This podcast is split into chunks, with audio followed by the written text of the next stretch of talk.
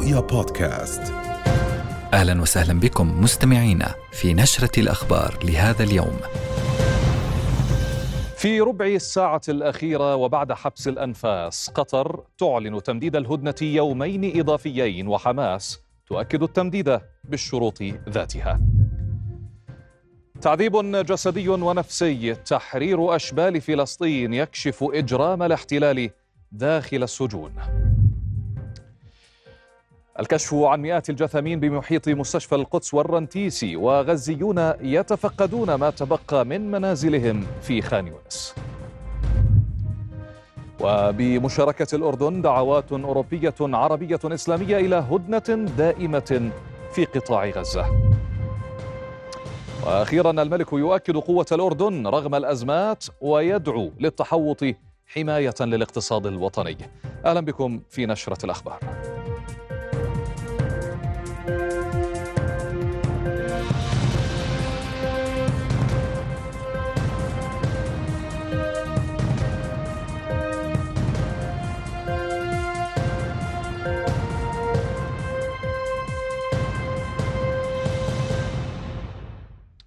حياكم الله والبداية مع إعلان الخارجية القطرية تمديد الهدنة الإنسانية ليومين إضافيين في غزة.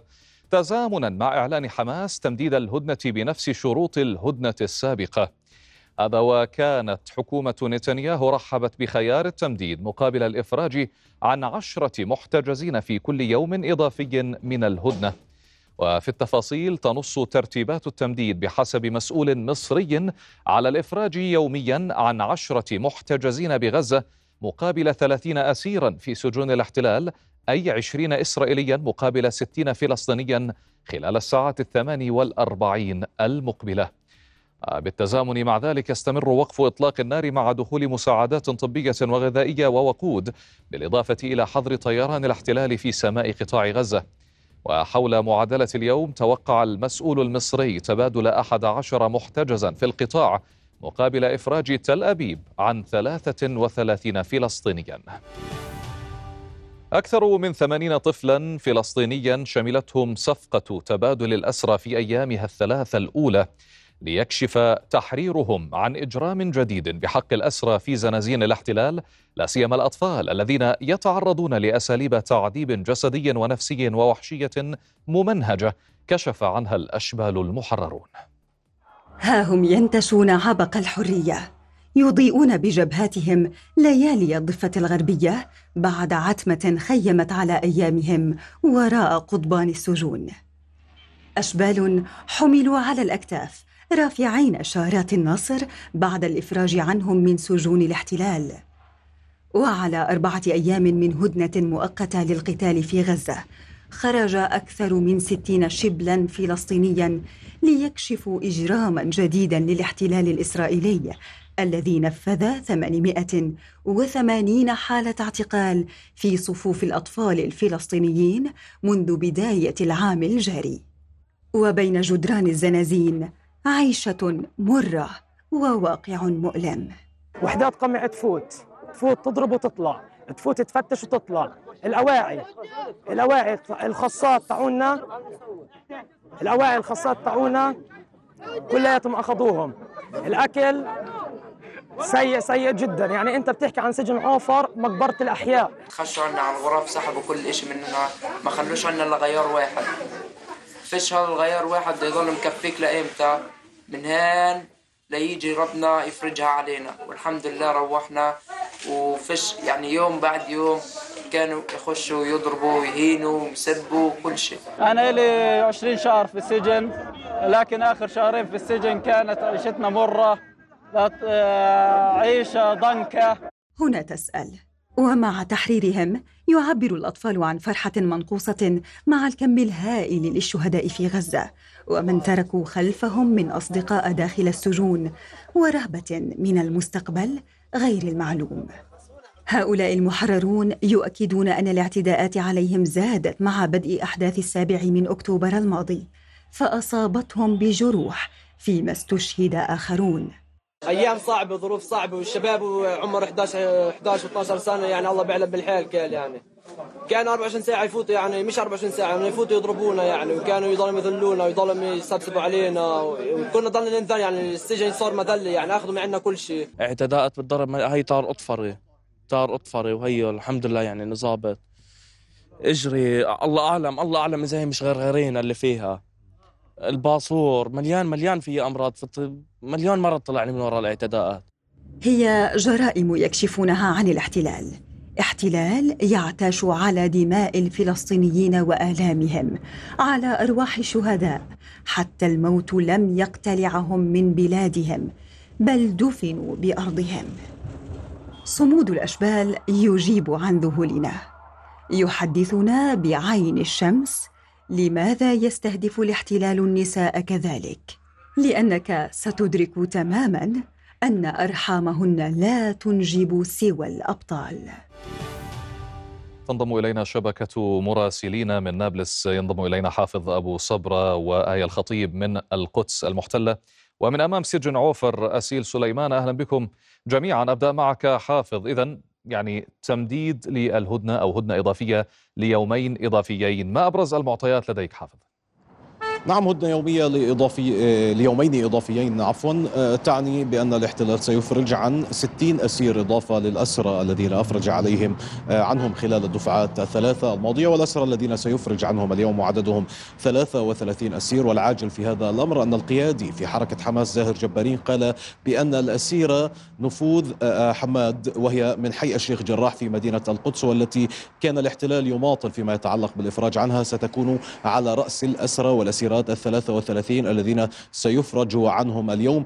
هذا وفقا لتصريح صدر عنه قبل قليل وفي حالة الإفراج عنها هذا بالتأكيد سيتم من خلاله أيضا الإفراج عن أسيرتين أخريتين هما ياسمين شعبان وعطاف جردات وهما من مدينة جنين شمال الضفة الغربية المحتلة. وهذا يعني بأنه كل الأسيرات الفلسطينيات التي تضمنتهم القائمة الأولية التي أعلنت قبيل التوصل إلى الهدنة وكانت تتضمن 259 اسم من الأسيرات والأسرى الأشبال كل الأسيرات تم الإفراج عنهم. هذا يبقي في سجون الاحتلال ثلاثة أسيرات من الداخل المحتل فقط قبل السابع من أكتوبر إضافة ل 62 أسيرة بعد السابع من أكتوبر تم اعتقالهن وهم آه، معظمهن من أراضي الداخل المحتل عام 48 واعتقلن بتهمة التحريض ومساندة المقاومة. هذا يعني أنه خلال اليومين المتبقيين من الهدنة الإضافيين سيتم الإفراج عن 60 من الأسرى الأشبال من ضمن القائمة الأولية التي أعلن بأنه سيتم الإفراج عن الأسرى الأشبال والأسيرات خلالها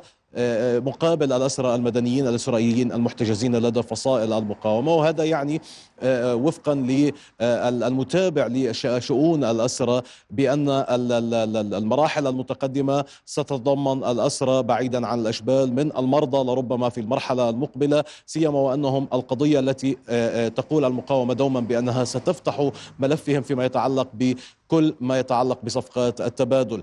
لمن يسأل إن كان أحمد مناصرة وهو الاسم الأبرز الذي يتم تداوله فيما يتعلق بأنه سيتم الإفراج عنه خلال الأيام الإضافية للأسف لن يكون ضمن قائمة الستين أسير من الأشبال الفلسطينيين لأن عمره أكبر من 19 عاما وهو العمر المحدد للأسرى الأشبال الذين شملتهم القائمة الأولية التي قدمها الاحتلال لحركة المقاومة الإسلامية حماس ووافقت عليها ضمن صفقات التبادل الأولية.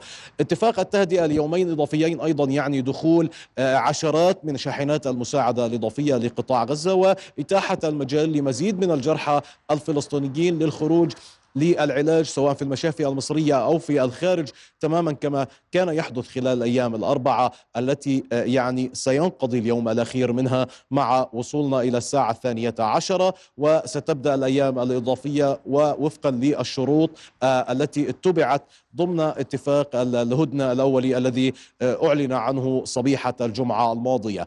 فيما يتعلق بالأوضاع في قطاع غزة ووفقا لهذه الهدنة ستكون عما كانت على ما كانت عليه خلال الأيام الأربعة فيما يتعلق بتحليق طائرات الاحتلال في مناطق الجنوب. لن تكون أبدا في مناطق الشمال ستكون آه، لن تحلق لست ساعات.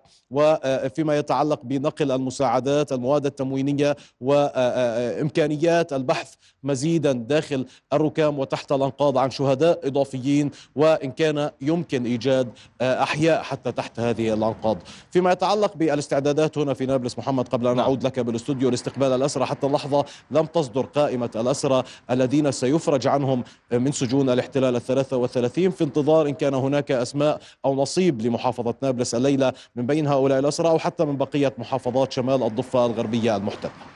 ابقى معي حافظ أبو صبر ننتقل إلى أسيل سليمان من أمام سجن عوفر. أهلا بك أسيل. اذا هناك تمديد للهدنة الإنسانية ليومين إضافيين. هل من معلومات حول آه، صفقة الأسرى في هذا اليوم وحول الأيام القادمة أيضا؟ نعم حتى الآن دعنا نتحدث عن اليوم بداية حتى الآن لا قائمة بأسماء الأسرى المنوي الإفراج عنهم الأسرى الفلسطينيين المنوي الإفراج عنهم. ضمن اليوم ال- آه، الرابع وكان الأخير في هذه الهدنة أو لعله يعني ما زال الأخير. ليس هناك إعلان آه، رسمي بعد عن آه، تمديد الهدنة بشكل أكيد من الطرفين ليومين إضافيين ولكن قائمة الأسماء لم تصدر حتى الآن وهذا أمر مقلق نسبيا حيث أن قوات الاحتلال وحكومة الاحتلال قامت بالاتصال بعدد من عائلات الأسرى الفلسطينيين وأبلغتهم بالتوجه إلى سجن عوفر لاستلام أبنائهم وهذا لم يحدث في الثلاثة أيام الأولى أو السابقة من هذه الهدنة. إذا نتحدث عن آه، آه، هدوء شبه نسبي في محيط آه، سجن عوفر لا تندلع مواجهات في هذه اللحظة. ولكن فكرة أن يتم استدعاء أهالي الأطفال أو الأشبال الذين من المفترض الإفراج عنهم آه، اليوم هو اليوم في اليوم الرابع أمر آه، آه، مقلق قليلا لأنه يعني تعتبر سابقة في الصفقة أو في هذه الصفقة. يقول محللون فيما يتعلق بالتمديد ليومين إضافيين أن حماس ستكون ستكون هذه المرة وفي هذين اليومين أكثر صرامة فيما يتعلق بالشروط. هل الشروط ستكون ذاتها؟ التي تم الاتفاق عليها في الأيام الأربعة آه، الماضية ومنها اليوم أي فيما يتعلق المزا- المساعدات إلى جميع أنحاء قطاع غزة بما فيها الشمال ووقف تحليق الطيران الإسرائيلي في أجواء قطاع غزة الجنوب والوسط لكافة ساعات اليوم. فيما يتعلق بالشمال ست ساعات فقط سيتم إيقاف الطيران الإسرائيلي وأيضا مبادلة الأسرى بالأسرى. آه، نتحدث عن ثلاثة أسرى صهاينة مقابل آه، آه، كل عفوا ثلاثة أسرى فلسطينيين مقابل كل أسير آه، صهيوني. لكن الأمر الذي يتم الحديث عنه الآن هو طبعا نظرا للخروقات التي نفذتها إسرائيل في هذه الأيام بما يتعلق بأسماء الأسرى الذين آه، تم إصدار قوائم آه، آه، تحتوي على أسمائهم. آه، كان الاتفاق ينص بداية على أن يتم إخراج الأسيرات حسب الأقدمية. لكن هناك أسيرات آه، سبع أسيرات حتى الآن هن من الأسيرات القديمات ال- التي تم اعتقالهن قبل السابع من أكتوبر وما زلنا في سجون الاحتلال. لم تدرج أسماؤهن في القائمة في قوائم التحرير حتى الآن. لربما قد تشمل أسماؤهن في آه، آه، أو الصفقة آه، عفوا القائمة التي من المنتظر الإفراج عنها اليوم. ولكن هذا ليس بعد- بعد نفوذ حماد هناك معلومات عن أن الأسيرة نفوذ حماد وهي أصغر أسيرة في سجون الاحتلال ويعني تبلغ من العمر 16 عاما كانت قد آه، أخرجت من سجن الدامون ليتم الإفراج عنها في الأيام الثلاثة الماضية ولكن تم إعادتها آه، صباح اليوم إلى آه، سجن آه، الدامون مرة أخرى ما خلق نوع من التساؤل حول لماذا تم إخراج هذه الأسيرة بالبداية إذا لم آه، يتم الإفراج عنها. والآن هي آه، آه، هناك حديث عن أنها ستكون مشمولة ضمن الصفقة التي أو ضمن آه، آه، الجزء أو الدفعة التي سيتم الإفراج عنها اليوم. فيما يتعلق آم، يعني نقطة الإفراج عن الأسرى لا يزال الأمر غير واضح حتى الآن. آه، يعني يعزز هذه الضبابية فكرة أن قوات الاحتلال باتت تستدعي أهالي أو بعض أهالي ال- الأسرى المنوي الإفراج عنهم إلى عوفر كي يستلموا أبنائهم. لربما هم لا يريدون أن تكون هناك حافلة للصليب الأحمر تخرج كما حصلت في الأيام الثلاثة الماضية. ويكون هناك تجمهر ومظاهر الاحتفال والفرح التي طبعا حرصت على تنغيصه في الأيام الثلاثة الماضية طبعا باستهداف الصحفيين باستهداف المواطنين والتجمعات المحيطة بسجن عوفر وغير ذلك من أدوات وأساليب القمع. آه، آه، أمر آخر هو أنه آه، يعني يتم الحديث شعبيا على أنه لن يكون هناك آه، آه، استقبال كما كان في الأيام الماضية ولكن ليس اكيدا حتى هذه اللحظة. طبعا ذلك يعود لأن أغلب الأسرى المفرج عنهم عادة يكونون من مناطق الشمال والجنوب ما يعني أن عليهم السفر لمسافات إضافية أخرى وساعات طويلة بعد استلام أبنائهم والإفراج عنهم في وقت متأخر إلى بيوتهم ومدنهم وقراهم في الشمال والجنوب. هذا من جهة. من جهة أخرى الطرق اليوم سيئة في الضفة الغربية وخاصة منذ السابع من أكتوبر. نتحدث عن اعتداءات متواصلة للمستوطنين على السيارات بالحجارة والأسلحة النارية وبالرصاص الحي أيضا. نتحدث أيضا عن حواجز مفاجئة لجيش الاحتلال وهؤلاء أسرى مفرج عنهم في صفقة نعم. تبادل ما يعني أن أنهم معرضون للخطر في أي لحظة والاستهداف أيضا في أي لحظة. لذلك ما زلنا ننتظر آه، آه، أي أخبار مؤكدة حول نقطة الإفراج من جهة وحول موعد الإفراج الأكيد الذي آه، قد يتأخر طبعا تبعا من مؤشرات أن أنه سيتأخر هو أن القوائم أو قائمة الأسرى لم يتم الإفراج عنها لربما حتى هذه اللحظة. من أمام سجن عوفر أسيل سليمان كنت معنا شكرا جزيلا لك وننتقل مباشرة إلى آية الخطيب من القدس أهلا بك آية. يعني ما آخر التطورات على الجانب الإسرائيلي فيما يخص الرهائن المفرج أو المقرر الإفراج عنهم لهذا اليوم. يعني آه، لم تصدر قائمة نهائية آه، بأعداد من سيتم الإفراج عنهم في مدينة القدس. نتكلم عن آه، الأسرى الأشبال والنساء. ولكن الاحتلال قام حتى الآن باستدعاء عائلات 11 أسير فلسطيني. ما يعني أنه من الممكن أن يتم الإفراج عن ما لا يقل عن 11 من الأشبال الفلسطينيين في مدينة القدس حيث أن الاحتلال يقوم بإجراءات تحقيق تخضع كل عائلة فرد من كل عائلة مقدسية للتحقيق ومن ثم آه، للتعهد بعدم إقامة أي شكل من أشكال الاحتفال أو التجمهر في مدينة القدس أو داخل المنزل. مساء هذا اليوم. حين آه، يعود الأسير آه، إلى المنزل. آه، فبدأ الاحتلال بهذه الإجراءات ما يعني أنه قد يتحرر هذا العدد من الأشبال المقدسيين. ولكن الأمر المهم بأن الاحتلال استدعى والد الأسيرة الطفلة نفوذ حماد والتي تقبع في سجون الاحتلال. الاحتلال استدعى والدها قبل يومين على أساس بأنه سيتم إطلاق سراحها وأمضى هناك ساعات طويلة وعاد بعد منتصف الليل وحيدا دون ابنته ومن ثم في اليوم التالي آه، علم بأن ابنته آه، قد اضطرت لتذهب إلى المشفى ولم يسمح الاحتلال له, أو آه، للمحامين بالذهاب للاطمئنان عليها. ولكن صباح هذا اليوم الاحتلال أعاد الأسيرة الطفلة نفوذ حماد إلى آه، إلى معتقل الدمون. يعني لنتخيل بأن طفلة لا تبلغ من العمر 16 آه، عاما اضطرت للذهاب والعودة إلى سجن الدمون مرتين خلال ثلاثة أيام وهي رحلة آه، قاسية ومهلكه للأسيرات في البوسطة وهي الحافلة التي لا يوجد فيها مقاعد سوى من حديد. هي رحلة متعبة جدا للبالغين. فلنتخيل ماذا يحدث مع طفلة صغيرة لا تبلغ من العمر 16 عاما وكانت قبلها في المشفى ولا نعلم آه، ما هي آه، حالتها الصحية. ولكن آه، الاحتلال اعتقل نفوذ حماد قبل عامين من المدرسة واتهمها بأنها حاولت أن تطعن مستوطن ولم يظهر أي دلائل تدل على أنها حاولت القيام بذلك. وأيضا الأسيرة نفسها لم تقم بالاعتراف بأي من هذه التهم ولكن الاحتلال آه، وقبل شهر تقريبا آه، حكمها ب 12 عاما. طفلة تبلغ من العمر 15 آه، عاما تم إعطائها حكم 12 عاما. والمستوطنون ووزير أمن الاحتلال القومي من إتمار بن منذ أن بدأ آه، الحديث عن صفقة آه، تبادل الأسرى آه، وهم يرفضون أن يتم الإفراد الإفراج عن نفوذ حماد. ولذلك نعتقد بأنه قبل يومين حاول أتمر بن كفير والمستوطنين الالتفاف على الاتفاقيات ومن أجل ذلك لم يتم الإفراج عنها. ولكن نحن نتأمل ونتوقع أن يتم الإفراج عنها مساء هذه الليلة بعد أن استدعى الاحتلال والدها. ونتمنى ألا تكون مجرد محاولة للعب بأعصاب العائلة من جديد. نعم. ضمن الحرب النفسية التي تخضع لها العائلة منذ يومين. من القدس المحتلة آية الخطيب كنت معنا. شكرا جزيلا لك والشكر موصول لأسيل سليمان من أمام سجن عوفر ولحافظ أبو صبرة من نابلس.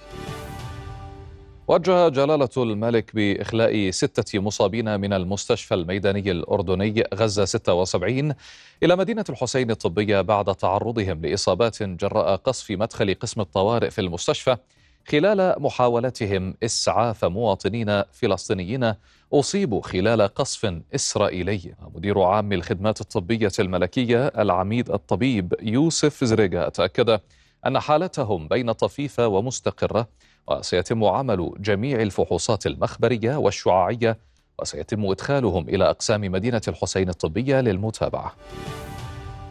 وفي مأساة المنظومة الصحية المتفاقمة في القطاع المحاصر أكد الدفاع المدني في غزة أن أعدادا كبيرة من جثامين الشهداء المقدرة بالمئات لا تزال في محيط مستشفى القدس والرنتيسي.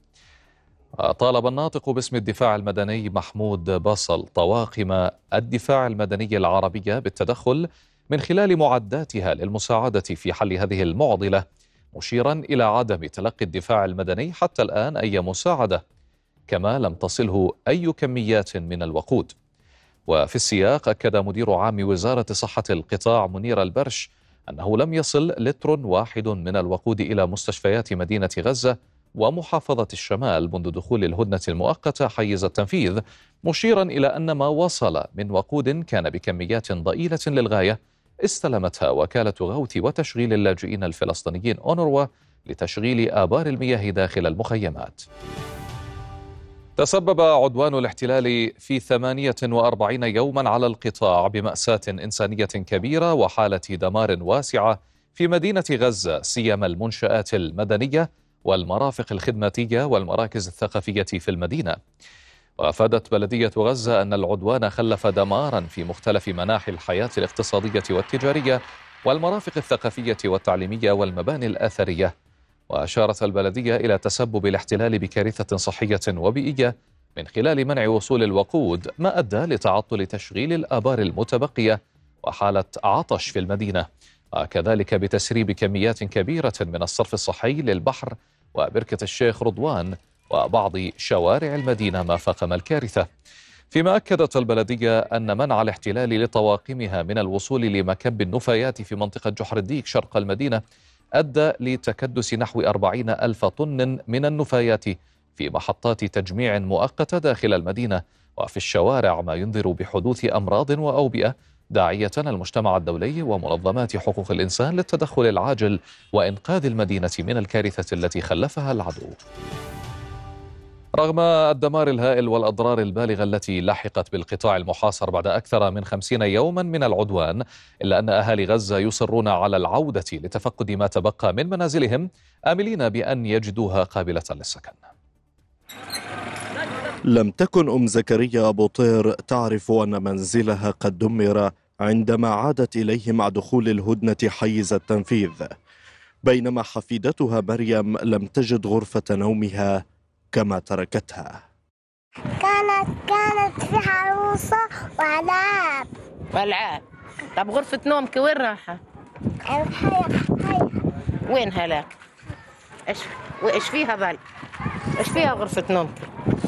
مخدة وفرشة ومطنية أم زكريا لم تجد أي مفردات لوصف ما حل من دمار بمنزلها. والله إحنا يعني المشاعر ما يتكلم لسان بيقدرش يوصف لأن الوصف إيش كان؟ صعب صعب علينا إنه نشوف بيوتنا مهدومة لهالدرجه يعني إحنا ناس يعني مسالمين بندور على عيشنا وبندور ان نكون مستورين في بيوتنا. أمين قداح شاب أفنى عمره في تأسيس منزله لكن الاحتلال أعاده للمربع الأول. والله كنا نايمين في البيوت طبعا ولا صوت انفجارات. والله وطلعنا من البيوت ورحنا على خنيس قعدنا عند المدارس. ولا ثاني يوم روحنا هيك قبل ما تخلص الهدنة طبعا قبل ما تبدأ الهدنة أجينا هنا فقدنا البيوت لقينا البيوت كلها طايحة ثلاث طوابق. شقق ما شاء الله وثلاث طوابق هين. والحمد لله كل حال إيش نعمل يعني هذا الاحتلال لا يفهم لا, لا يفهم. لا صغير ولا كبير. لا يفارق بين شجر ولا بشر. نحو 55 ألف وحدة سكنية دمرها الاحتلال في 48 يوما من الحرب كحصيلة أولية وفق وزارة الأشغال ليصبح ثلث سكان قطاع غزة دون مأوى لا يبدو حجم الدمار هنا في المناطق الشرقية من مدينة خان يونس هينا. لكن على الرغم من ذلك يصر المواطنون على البقاء فوق ركام منازلهم حتى وإن عاشوا في خيام. غازي العلول رؤيا قطاع غزة. دعا وزير خارجية وشؤون المغتربين أيمن الصفدي إلى وقف المجازر في غزة ووقف تمويل الأسلحة لكيان الاحتلال الإسرائيلي. جاء ذلك خلال كلمته في المنتدى الإقليمي الثامن لوزراء خارجية دول الاتحاد من أجل المتوسط برئاسة الأردن والاتحاد الأوروبي. وأضاف الصفدي أن تل أبيب لم تعمل لتحقيق السلام ولم تنفذ الاتفاقيات الموقعة واتفاقية أوسلو. كما قوضت حل الدولتين لافتا إلى أن النزاع لم يبدأ في السابع من تشرين الأول بل هو نتيجة معاناة الشعب الفلسطيني على يد الكيان لعقود. وشدد وزير الخارجية على ضرورة العمل على وقف الحرب على غزة بشكل نهائي وألا تكون تل أبيب فوق القانون. وقال الصفدي إن على تل أبيب أن تفهم أنه لا يمكننا قبول ترحيل مليون وسبعمائة ألف فلسطيني من قطاع غزة. من جانبه مسؤول السياسة الخارجية في الاتحاد الأوروبي جوزيف بوريل دعا إلى تمديد الهدنة في قطاع غزة من أجل العمل على حل سياسي للنزاع. وقال إن إقامة دولة فلسطينية في الضفة الغربية والقدس الشرقية وغزة هي أفضل ضمانة لأمن وسلام إسرائيل. كما دعا الأمين العام لحلف شمال الأطلسي ينس ستولنبرغ أيضا إلى تمديد الهدنة مشيرا إلى أن هذا سيسمح بإدخال المزيد من المساعدات التي يحتاجها سكان قطاع غزة والإفراج عن المزيد من المحتجزين. إيران أيضا دعت إلى جعل الهدنة في الحرب دائمة لضمان التوقف التام لجرائم الاحتلال الإسرائيلي في قطاع غزة. وقال المتحدث باسم وزارة الخارجية الإيرانية ناصر كنعاني في مؤتمر صحفي قال إن إيران مثل العديد من الدول تأمل أن تدخل الهدنة في عملية دائمة مؤكدا على ضرورة ألا يتكرر العدوان الوحشي للكيان ضد غزة. يترأس وزير الخارجية الصيني وانغ يي هذا الأسبوع في نيويورك اجتماعا لمجلس الأمن الدولي حول الحرب في قطاع غزة بحسب ما أعلنته وزارة الخارجية في بكين. المتحدث وانغ وي قال إنه في سياق توليها الرئاسة الدورية لمجلس الأمن الدولي هذا الشهر تعقد الصين اجتماعا رفيع المستوى حول القضية الفلسطينية يوم الأربعاء المقبل. وتأمل بكين أن يفضي اجتماع هذا الأسبوع إلى اتفاق لوقف إطلاق النار ووضع حد للمعارك وأن يساهم في التخفيف من حدة الأزمة الإنسانية في غزة بحسب المتحدث الذي أشار إلى أن وانغ سيترأس الجلسة شخصياً. أخبارنا مستمرة ولكن بعد هذا الفاصل.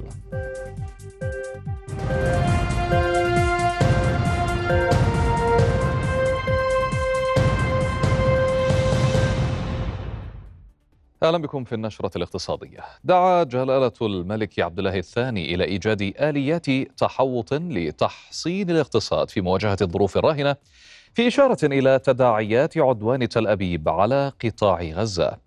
وخلال لقائه اقتصاديين في قصر الحسينية أكد جلالته صلابة الأردن واستقراره مذكرا بأن الأزمات تجعله دائما أقوى وذكر بتراكم خبرة المملكة في كيفية التعامل مع الأزمات ومواصلة بناء اقتصادها في الظروف الصعبة.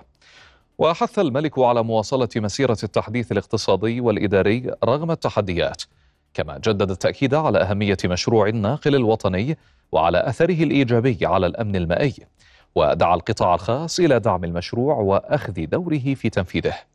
هذا ولفت الملك إلى أن الأردن القوي هو القادر على الاستمرار في دعم الأشقاء الفلسطينيين ودعا القطاع الخاص إلى تقديم أفكار وحلول لدعم قطاعات اقتصادية تأثرت بالأوضاع الراهنة خاصة السياحة.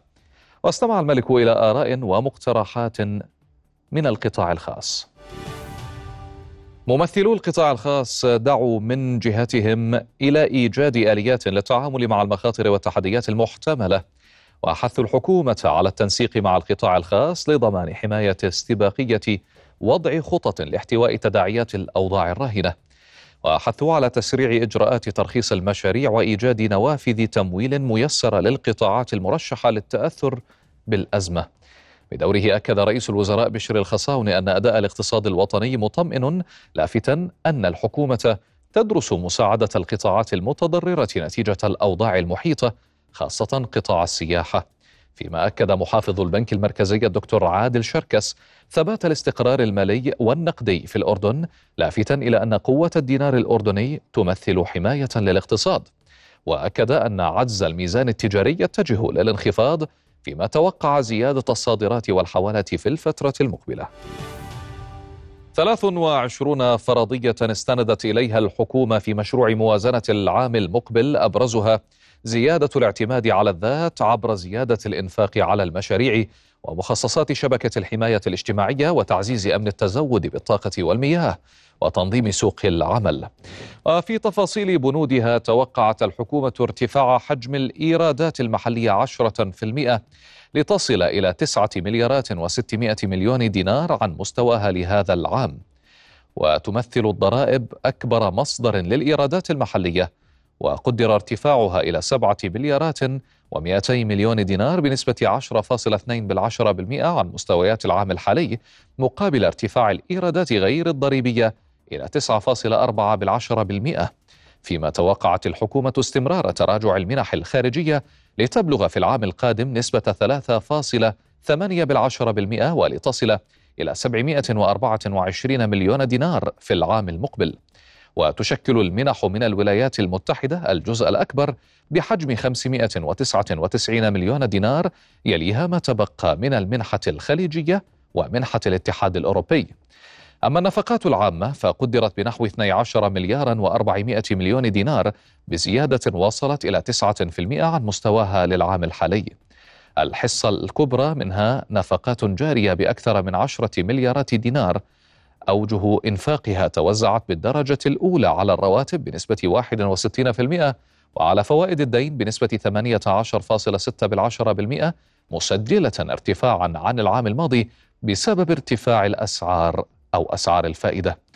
أما النفقات الرأسمالية هي الأعلى تاريخيا بحسب تصريحات وزير المالية وقدرت بنحو مليار وسبعمائة مليون دينار بزيادة وصلت إلى 11.8 بالعشرة بالمئة عن مستواها للعام الحالي. حصدت مشاريع التحديث الاقتصادي وتطوير القطاع العام على الجزء الأكبر بنسبة وصلت إلى 20% ومشاريع تنمية وتطوير البلديات بنسبة وصلت إلى 10.4 بالعشرة بالمئة. وبذلك يسجل العز الأولي المقدر في العام المقبل الذي يستثنى احتسابه أو احتسابه فوائد الدين تراجعا إلى 812 مليون دينار عن مستواه للعام الحالي فيما تجاوز العز بعد المنح حاجز ملياري دينار وهو أعلى من مستواه للعام الحالي إذ بلغ مليارا وثمانمائة مليون دينار. بهدف جذب استثمارات صينية إلى منطقة العقبة الاقتصادية الخاصة زار وفد من السفارة الصينية في الأردن عددا من المؤسسات في العقبة بخاصة المدينة الصناعية في منطقة الإجويرة الوفد اطلع على أبرز الفرص الاستثمارية المتاحة بين القطاع العام والخاص في الصين والعقبه بحيث يتم جذب استثمارات قائمة على أساس إقامة مشاريع مشتركة فضلا عن التبادل التجاري بين الأردن والصين. ويعتبر الأردن ثاني أكبر شريك تجاري للصين وتجاوز حجم التجارة البينية بينهما حاجز الأربعة مليارات وأربعمائة مليون دولار في عام 2022 فيما يبلغ حجم الاستثمار الصيني في العقبة ما يقرب من 30 مليون دينار أغلبها في الصناعات المختلفة. تم آه، الاتفاق على أن يكون هنالك في تبادل للمعلومات بحيث كيف نجمع الشركات الصينية مع الشركات الأردنية في أقرب وقت ودراسة ما هي المشاريع اللي ممكن أن يكون فيها شريك آه، صيني وخاصة بما يتعلق بقضية التصنيع وتكملة التصنيع في مدينة العقبة والمشاريع التي متعلقة بتقديم الخدمات ومما يتعلق بقضية اللوجستيك البحري. فتح مهرجان الزيتون في الأردن فرصا أمام السيدات المعوزات لتسويق منتج منتجاتهن الريفية بما يساعدهن على تلبية احتياجات عائلاتهن. وشهد مهرجان الزيتون لهذا العام مشاركة واسعة من السيدات من مختلف محافظات المملكة وصلت إلى نحو 70% من إجمالي المشاركين البالغ عددهم 800 مشارك. المهرجان الذي انطلق يوم الخميس الماضي ويستمر حتى الثاني من الشهر المقبل استقبل في أول يومين أكثر من 22 ألف زائر في مؤشر على أنه وجهة للأسرة الأردنية للتسوق من مختلف المنتجات البيئية والريفية إلى جانب منتجات الزيت والزيتون. وتعول المشاركات كثيرا على المهرجان الذي حقق مبيعات في العام الماضي فاقت الثلاثة ملايين دينار. مهرجان الزيتون آه، من آه، القنوات الناجحة في تسويق منتجات السيدات آه، من ذوي العوز ولتدريبهم لتعليم أطفالهم وسد حاجاتهم الاجتماعية وجعلهم سيدات منتجات. إحنا هدفنا كل سيدة معوزة وقادرة على العطاء إنها تصبح سيدة منتجة. إحنا هون مشاركين البازار بيتيح لنا فرصة إنه نسوق منتجاتنا للناس المباشرة الأعداد الكبيرة ما شاء الله هون بمهرجان الزيتون. أكثر مكان بيجي عندنا اعداد الزوار. والزوار كمان لما بيشتروا من هون. بيرجعوا بيوصونا على الأونلاين لأنه بيرجعوا إنه بنبصوا على المنتجات. بهيك بضل لنا زبون دائم من خلال المهرجان. المهرجان طبعا هو فتح, فتح لي آفاق إني أتعرف على ناس كثير وإني أنتج وأدرس أولادي بالجامعة الحمد لله. أنا بعمل بضاعه ريفية. من البضاعة هاي زبيب والطين خبيصة. آه، زعتر بلدي سماق بلدي من المنتوجات الريفية أنا قاعد بدرس طلاب جامعة. تراجع أداء أكثر من 85% من المنشآت الاقتصادية الفلسطينية نتيجة الاجتياحات والاقتحامات المستمرة لسلطات الاحتلال في المدن والمخيمات والبلدات الفلسطينية بحسب ما أفادت وزارة الاقتصاد الفلسطينية. وأفاد المرصد الاقتصادي للوزارة أن بعض أو بعضا من المنشآت الاقتصادية اضطرت إلى الإغلاق لفترات طويلة منذ بداية العدوان على قطاع غزة نتيجة إجراءات الاحتلال التعسفية. كما تراجع عدد العاملين في منشآت اقتصادية في الضفة الغربية إلى 54% جراء تداعيات عدوان الاحتلال وتوقف شبه تام لعجلة الإنتاج في غزة. وجاء القطاع الصناعي الأكثر تضررا نتيجة انتهاكات الاحتلال في المحافظة الشمالية بعد العدوان على قطاع غزة إذ تراجعت الطاقة الإنتاجية لنحو 91% من المنشآت الصناعية. تبحث حكومة الاحتلال إقرار ملحق موازنة غير مسبوقة بقيمة ثمانية مليارات دولار لتلبية احتياجات عدوانها على قطاع غزة. وبحسب تقارير جمعت حكومة الاحتلال أكثر من ستة مليارات دولار من مستثمري الديون الدوليين لتغطية نفقات الحرب ومواجهة الخسائر الاقتصادية. وكشفت وسائل إعلام في كيان الاحتلال عن خطة لزيادة 60 مليون دولار في الموازنة لتوسيع المستوطنات في الضفة الغربية المحتلة رغم مطالب اقتصاديين لتقليص هذه الأموال. بدوره قال المتحدث الرسمي باسم الرئاسة الفلسطينية نبيل بوردينة قال إن تخصيص ملايين لتعميق الاستعمار في الأراضي الفلسطينية يأتي في الوقت الذي تحتجز فيه حكومة الاحتلال أموال المقاصة الفلسطينية وتواصل حرب الإبادة الجماعية في قطاع غزة وفي الضفة الغربية. أخبارنا مستمرة ولكن بعد هذا الفاصل.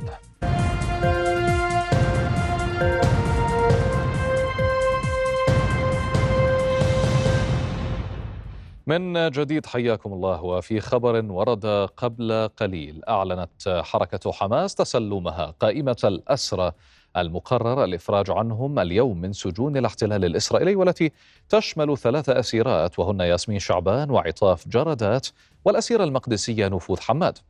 كما شملت القائمة ثلاثين طفلا أسيرا ستعلن عن أسمائهم لاحقا.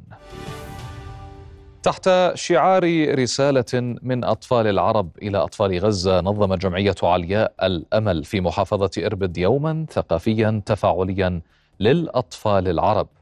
وخلال الفعالية قدمت رسائل تضامنية من الأطفال العرب إلى أطفال قطاع غزة لتعزيز التواصل والتضامن وتشجيع تبادل الرسائل والأفكار بما يعزز ثقافة الصمود والسلام.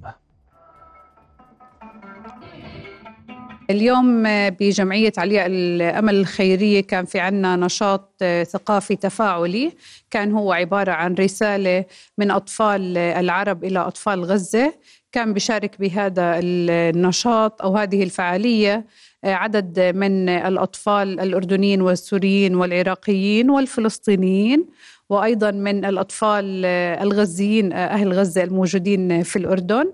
آه، كان هذا النشاط آه، آه، عبارة عن عرض مسرحي موجه من الأطفال العرب لإخوانهم في غزة وهي يعني رسالة إنسانية تعبر عن تعاطفهم مع الأطفال الموجودين تحت الحرب.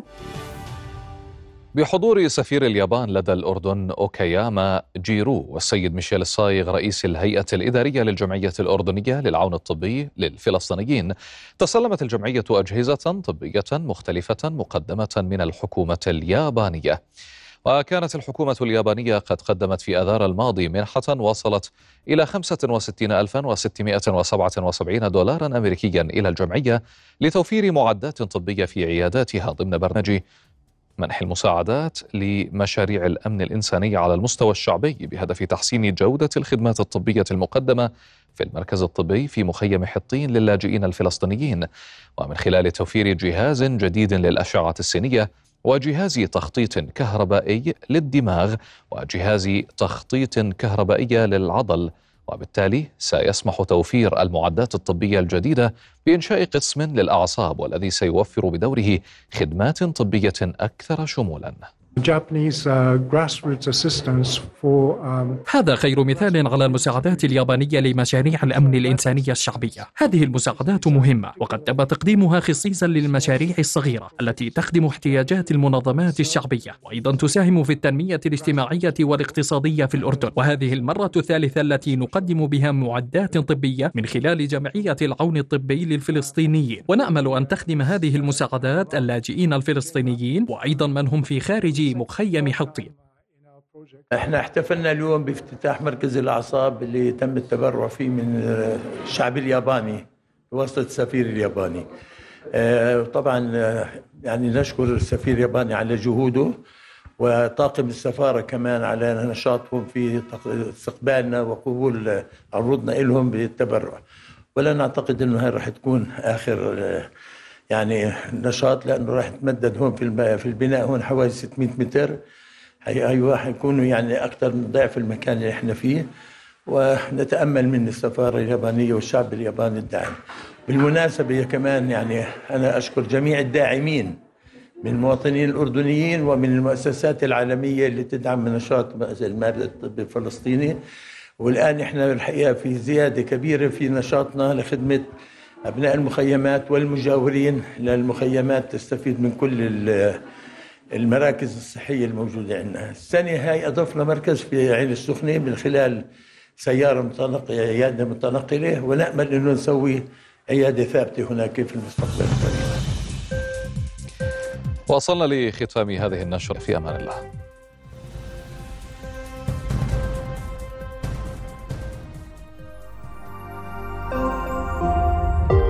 رؤيا بودكاست